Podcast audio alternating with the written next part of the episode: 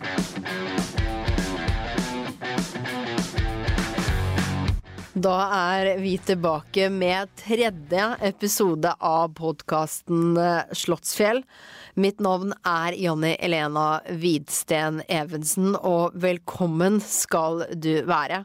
Nå tar vi turen tilbake til plateselskapet Warner Music sitt eh, hovedkontor i Karl Johans gate i Oslo. For der fikk jeg nemlig slå av en prat med popkometen Synne Vo. Hun eh, slapp eh, nylig singelen OK. Men hennes største hits må vel være denne. For når jeg ligger her og ser han øynene, har tunga hans i munnen min, det er inn tanke. Ja vel, sa jeg kanskje om du andre, men jeg er ikke over det. Men venner hilser med, Eller kanskje denne. og det er lykke til med alt i livet, lykke til med planene lykke til med alt som skal skje. Og lykke til med alt du driver, helst fra meg til vennene dine, lykke til med å greie med. Jeg veit du vet som du måtte bli, du skal til en Synne Vo åpner opp om oppveksten på Lesja i Gudbrandsdalen. Om artistdrømmen, veien til toppen, og når livet viser seg fra en av sine mest brutale sider. Eh, nei, å ha vokst opp i Lesja, det har jeg utelukkende gode opplevelser med. Jeg tror jo det kan være litt forskjellig Altså Det er jo på godt og vondt det å vokse opp på en så liten plass. Jeg føler at mange har litt sånn fordommer mot bygdemiljøet. At det er veldig mye jantelov og bygdedyr. og Eh, og det er ikke sånn at når, eh, ja, når ting begynte å skje, at det kunne jeg være litt bekymra for at åh, hva tenker nå, nå blir hun der eh, som alltid skal skrike høyest og stikke seg ut, liksom. Men der føler jeg bare at jeg har fått eh, mye støtte, og at folk er interesserte og følger med og deler sanger på Facebook og kommenterer. Og når jeg kommer hjem igjen, så vil folk høre hvordan det er. og ja. Med kjendis? Ja. Nei, men, men det er det jeg syns er trivelig, da. At jeg føler at uh, alle kjenner jo meg som er der lell. Synne har fått eh, masse anerkjennelse og har blitt omtalt som en fusion av Odd Nordstoga og Veronica Maggio. Men har hun tatt inn over seg de gode ordene? Det har variert litt. Um, fordi som du sier, så, sånn fra utsida så har det kanskje virka som at ting har skjedd eh, veldig fort. Um, mens for meg så føles det ikke ut som at det skjedde veldig fort. Jeg hadde et par år der i starten der jeg eh, flyttet hit til Oslo og tenkte at jeg skulle liksom prøve å komme meg inn i bransjen, og det viste seg å være mye vanskeligere enn jeg kanskje hadde tenkt. og sendte tusenvis av mailer og kontakta bransjefolk og fikk bare nei og nei og nei. Og, eh, og nå når jeg ser tilbake på det, så syns jeg det er rart at jeg ikke fikk en sånn større sjøltillitsknekk. Eller sånn at det liksom, Hvis det hadde vært nå, så tror jeg at jeg ikke hadde orka det. Men da var jeg fortsatt så ung og litt sånn uviten og tenkte at nei, men jeg jeg skal, jeg skal vise hva jeg har å by på. Um, men ja, også etter at ting begynte å skje, så, så skjedde det jo på en måte Da gikk det litt slag i slag. Og i starten der så hadde jeg veldig like, bedragersyndrom. Jeg føler meg fortsatt som en underdog. Og når jeg får f.eks. Ja, nominasjoner for Årets artist på P3 Gull eller Spellemannsnominasjon nå, så blir jeg litt like Hæ? Nei? Eller er det, er, ja, da føler jeg at jeg har lurt folk, nesten. Det var en veldig fjern bransje og tanke for meg det å liksom skulle leve av musikk. Fordi det eneste jeg kjente som ja, levde til det, var liksom organisten i Lesja kirke og kulturskolelærerne og musikklæreren min på barneskolen, liksom. Sjøl om jeg kanskje hadde en like, popstjernedrøm etter å ha sett på Hanna Montana når jeg var like, 12-13, så var det aldri noe jeg egentlig tenkte jeg skulle drive med. Men jeg likte å drive med musikk og var med i et barnekor og var med på en sånn ungdomsmusikal som ble satt opp eh, i Gudbrandsdalen. Så når jeg gikk på videregående, så tenkte jeg at jeg skulle studere medisin. Og tok realfag og likte veldig godt å gjøre kjemi og biologi. og var veldig fornuftig, liksom. Eh, og så når jeg var ferdig på videregående, så var mammaen min veldig opptatt av at jeg ikke skulle begynne å studere med en gang. Eller hun sa slik Synne, det handler om du skal jobbe i 42 år, eller du skal jobbe i 41 år. Ta det liksom, ta det litt bedre tid. For jeg var nok litt stressa og hadde kanskje litt like, flink pike-syndrom. Så da endte jeg opp med å gå et år på folkehøgskole eh, som var en musikkfolkehøgskole utenfor Trondheim. Og så var egentlig planen min bare at nå skal jeg gjøre meg litt ferdig med musikk. Jeg skal drive med hobbyen min et år, og så kan jeg begynne å studere. Men i løpet av det året så møtte jeg jo veldig mange andre som òg interesserte seg for musikk, men som i tillegg hadde veldig høye ambisjoner om å skulle liksom leve til det. Og de visste mer om bransjen, og da fikk jeg litt mer innblikk i hvordan ting fungerte. Og så ga jeg ut en låt i løpet av det året som jeg fikk hjelp til der med å produsere og gi ut og pitche til radio og sånn. Så det ble en lista på P1. Eller da føltes det plutselig kanskje så fjernt ut. Sånn, å ja, det bare å sende en mail til P1 og ha en bra låt, og så Ja. kan det skje noe. Så da fikk jeg liksom veldig trua. Da. Og Ja. så flyttet jeg til Oslo etter det folkehøgskoleåret og tenkte sånn Nei, jeg gjør musikken enda et år. Men jeg hadde jo ingen låter og kjente ingen produsenter annet enn liksom dem jeg hadde jobba litt med på folkehøgskole. Men det var veldig sånn rocke-folkehøgskole, så det var ikke så mange musikkprodusenter egentlig. Og eh, flyttet hit, kjøpte med Mac og et musikkprogram og en sånn keyboard og prøvde å spille inn demoer sjøl. Og når jeg hører tilbake på det, er helt, altså det er helt forferdelig. Så jeg skjønner veldig godt at alle de mailene sendte, at jeg fikk avslag. Det er ikke så rart. Eh, og så meldte jeg meg på litt låtskrivercamper her og der, og fikk liksom være med på et par. Og jeg husker at jeg kontakta rektoren eller noe på Westerdal så spurte de har du noen musikkprodusenter jeg kan få ha en session med. Eh, så det gjorde jeg. Og, men jeg ble jo bare møtt i alle de sessionene med litt sånn Lol, hvem er du? Og da var jeg i tillegg veldig redd for å skrive på liksom gubbeansør, så jeg skrev på nynorsk. Jeg var redd for at folk ikke skulle forstå det, så jeg tenkte at ok, jeg generaliserer det til nynorsk. Det er sikkert, det er sikkert, for det er sikkert enklere. Folk elsker jo nynorsk. Nei, men um, Så det året var egentlig litt tungt. Men jeg mista liksom ikke helt trua lell, og så året etter det så begynte jeg på en musikkskole på Lillehammer. Jeg følte at jeg hadde ikke fått um, hva heter det, utnytta potensialet mitt. Eller jeg følte at folk ikke skjønte hva jeg ville. liksom, For jeg klarte jo ikke å jeg klarte jo ikke å produsere de låtene jeg så for meg sjøl. Men der òg hadde jeg en sånn merkelig reise. For da kom jeg dit og tenkte at jeg har et norsk artistprosjekt som jeg har lyst til å realisere her. Men så kom jeg dit, og så var det nesten ingen nordmenn der. Jeg hadde ingen sessions på norsk. Nei. Så da endte jeg opp med å være låtskriver for andre. Og det likte jeg òg veldig godt. Og så husker jeg jeg hadde en sånn one-to-one-samtale med han ene mentoren min, og han sa sånn jeg tror, Du er kanskje ikke artist, men du er en veldig flink låtskriver. Kan du ikke bare satse på det? da? Flytte til LA og gjøre litt sånn som Ina Wroldsen og Caroline Eileen, som var en veldig suksessfull norsk låtskriver.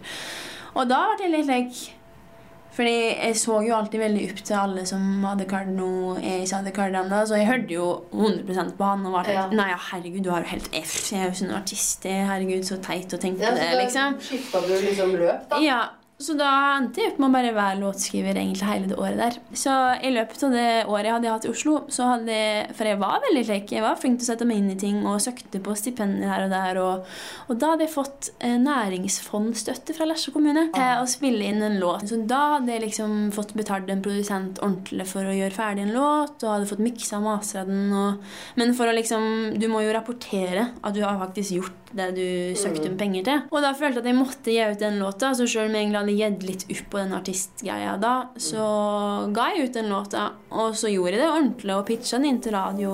Da ble det en ukas låt på P3. For fyrstegang går dagen uten glimt av deg. Jeg har det fint aleine. Har overskudd, nå kan jeg bare gjøre meg. Til og med når kveldene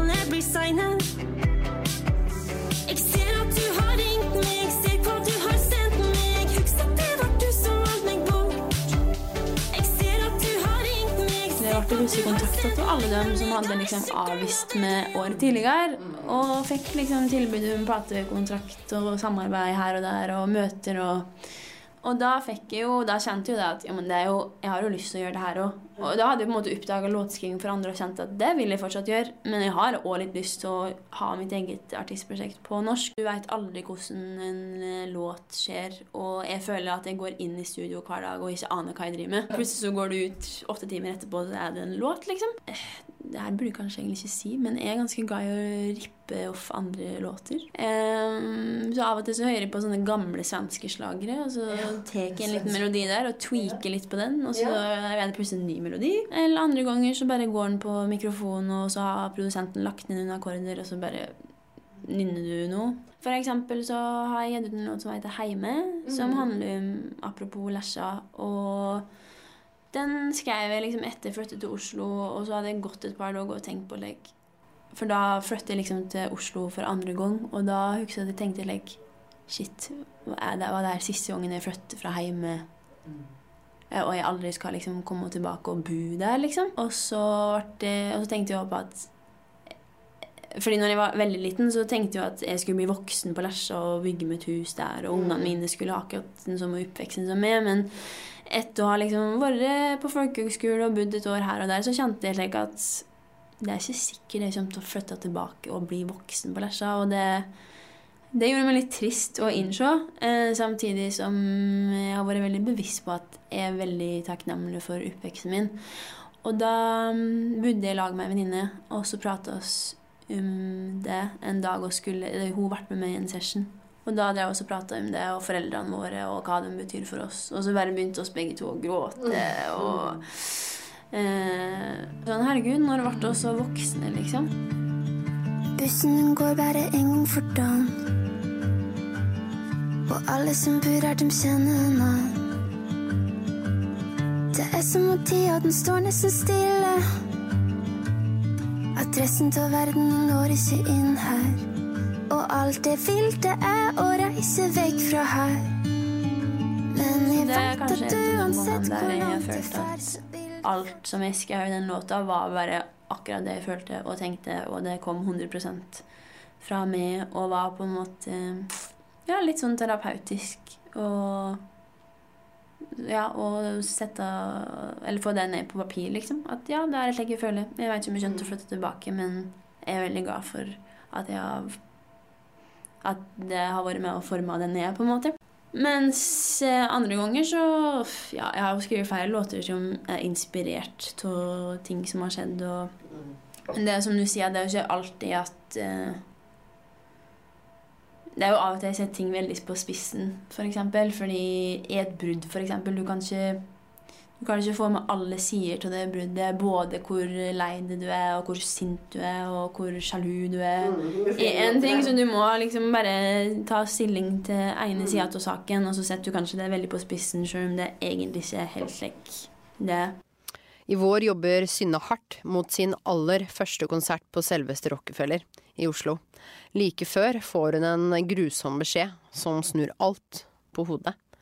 Hennes bestevenn Lina dør brått. Hun omkom mens hun var på backpacking. så det var jo et sjokk. Eh, og så Det skjedde også på den dagen jeg skulle slippe EP-en min, som var i forkant av den konserten.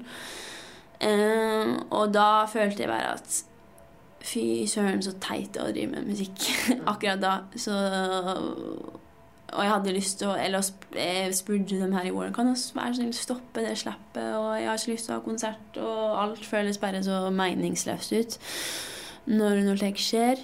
Um, men så Ja, jeg er jo jeg veldig, veldig nære henne og familien hennes. Så foreldrene hennes, jeg prater med dem, og de hadde også tenkt litt på at herlighet, du skal jo ha din første konsert, og den, den må du ha. Eh, og det var og de sa liksom at det hadde hun kommet til å Hun hadde ikke villet at du skulle avlyse den, så hvis du klarer det, så må du gjøre det. Og så visste jeg at det var veldig mange gudbrandsstøler og både venner til meg og hun, og familie til hun, og min familie som eh, hadde tenkt seg dit. Og etter å ha pratet med flere av dem, så tror jeg alle bare følte at det egentlig hadde vært godt å ha en plass å møtes. Så da endte liksom dialogen jeg hadde med meg sjøl inni hugget mitt, den handla mer om Kommer jeg til å klare det? Vi Ja. Både fordi at det føltes rart ut å skulle stå der og liksom danse og synge med sånn brudd, liksom, når det hadde skjedd. Men jeg tok en prat med bandet mitt, og så hadde jeg med meg en veldig flink liveprodusent som diskuterte det her med sånn hvordan kan vi gjøre det på en verdig måte, og på en måte som gjør at jeg kanskje klarer å stå i det. Um, så endte opp med å starte konserten med at jeg fortalte alle om hva som hadde skjedd, og at det her var en rar eller det har vært en spesiell uke og en spesiell kveld for meg. Og at jeg hadde behov for å si litt om det. Og så spilte vi hjemme. Eh, som på mange måter handla om henne. Eh, og så sa jeg vel bare ja, at eh, hvis hun hadde vært her, så hadde hun villet at det skulle bli en fest her i kveld, og det skal det bli. Den plassen vi vokste opp, det huset der jeg har bodd. Tenk alle skoene som jeg har slitt ut. Og alt som har forma meg og gjort meg til den jeg er. Her er den plassen som jeg vokste opp. Ja, sånn og hvor jeg fer hen,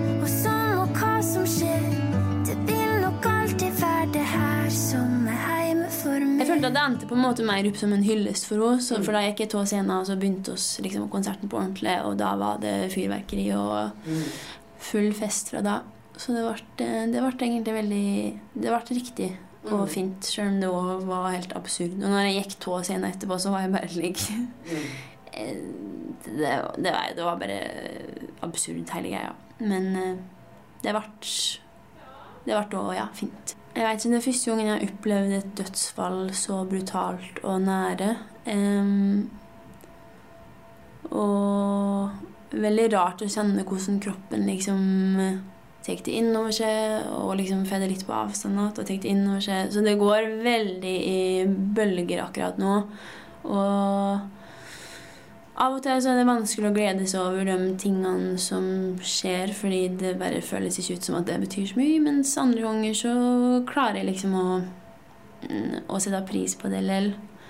Eh, og så tror jeg jo bare at det er jo ikke så lenge siden det skjedde, eller har jo bare gått litt over en måned, så jeg tror òg at jeg har nok ikke prosessert det helt enda.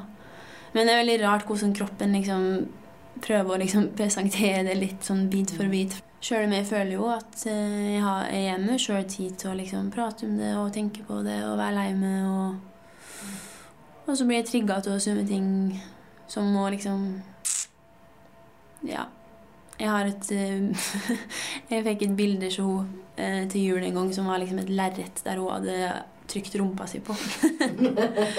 og det var helt det hadde ligget oppå et skåp, og så her om dagen så tok jeg det ned og skulle Og jeg tenkte "Nei, jeg må henge det opp. Og da kjente jeg bare sånn åh, At eh, Ja, det liksom utløste en ny sånn gråte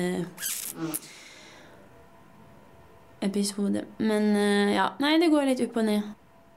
Ja, altså Hvis det er liksom noe godt Altså Det er jo ikke noe godt å få ut noe legg, men da er det jo det at du ja, blir litt påminnet om hva som er viktig. Og Jeg har hatt en veldig travel periode nå i liksom vinter, og når det her skjedde, så kjente jeg bare at det her tempoet, det går ikke. Jeg kan liksom ikke, ikke få tid til å ringe besteforeldrene mine fordi at jeg er opptatt hele tida, eller ikke få tid til å reise hjem igjen ei helg i ny og ne. Og Men nå må vi ikke glemme å snakke om Slottsfjell. For eh, sommeren står for tur, og Synne skal på turné. Og gjett om hun gleder seg. Jeg gleder meg så mye. Oss, prodis, eller oss prodda et nytt show før Rockefeller nå. Ja.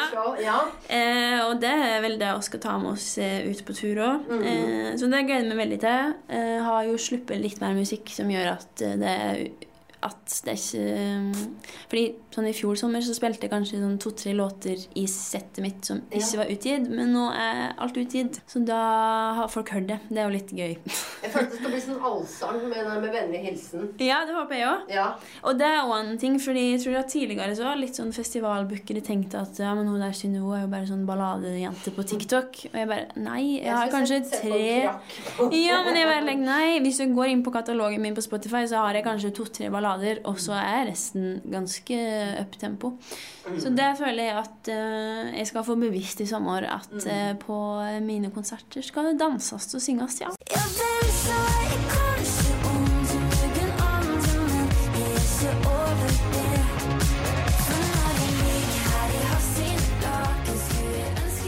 Og der var vi ved veis eh, ende, folkens. Men det kommer en ny episode allerede neste onsdag. Og her kan du få en liten smakebit. Et lite hint.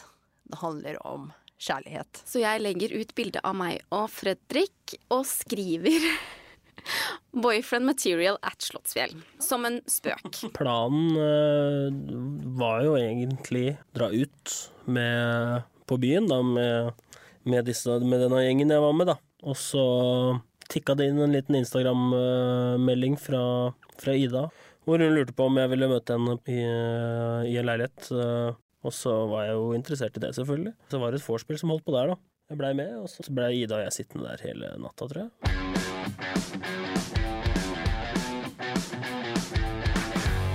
Mitt navn er Janni Elena Hvidsten Evensen. Produsent er Marie Olaussen, og vår ansvarlige redaktør er Sigmund Skydland.